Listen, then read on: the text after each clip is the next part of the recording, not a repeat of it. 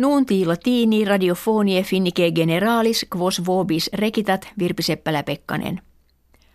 Pridie kalendas novembres quingenti anni exacti erant ex die quo Martinus Luther non aginta quinque teses contra indulgentias pontificias Wittenberge divulgavit. Ita initium kebit reformatio et ecclesia lutherana orta est. Anno ante jubileum reformationis cerimoniis ecumenicis in cathedrali lundensis vetie presente papa Francisco in cohatum est. Res Catalonie in discrimen verterunt cum moderatores Hispaniae die sabbati nuntia vissent se administratores regionales Catalonie magistratu amo visse et Cataloniam in suam administrationem redacturos esse. Nova comitia mense decembri fore. Eodem die Paulo ante parlamentum Catalonie unilateraliter regionem suam independentem declaraverat. Die dominico homines barcinone in utramque partem reclamitabant. Vexillis Hispaniae unionis europee velati adversarii independentie insignia portabant quibus monuerunt Cataloniam esse omnium Hispanorum.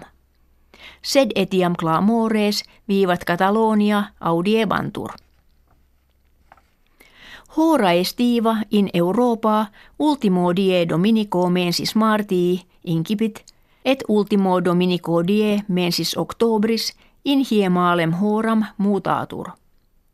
Nunc autem grex septingentorum europarlamentariorum vult ut ille uusus horologia rursum prorsum mutandi finiatur. Illi nuper argentorati de eare propositum divulgaverunt.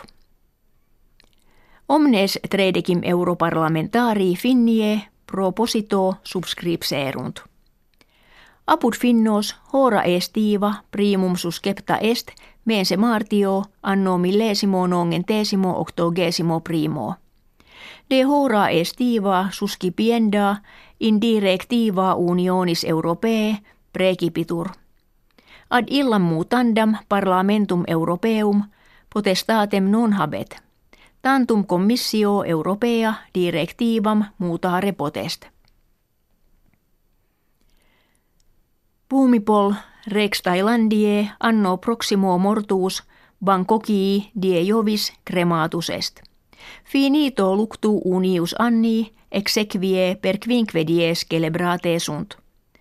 Corpus regis ex palatio ubi fuerat in regium crematorium ad hoc edificatum solemniter portatum est. Pyram quinquaginta metra altam filius et successor regis accendit.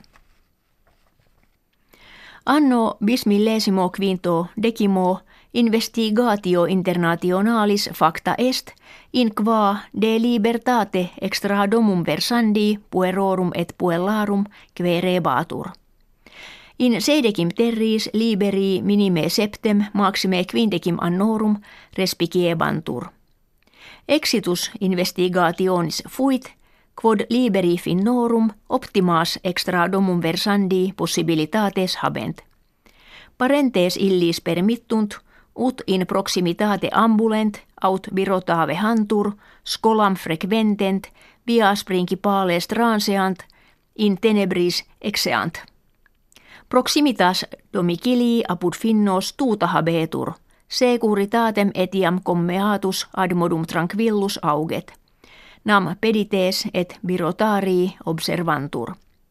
Minimum ad independentes ambulationes potestatem habent liberi in Frankia, Israele, Sri Lankaa.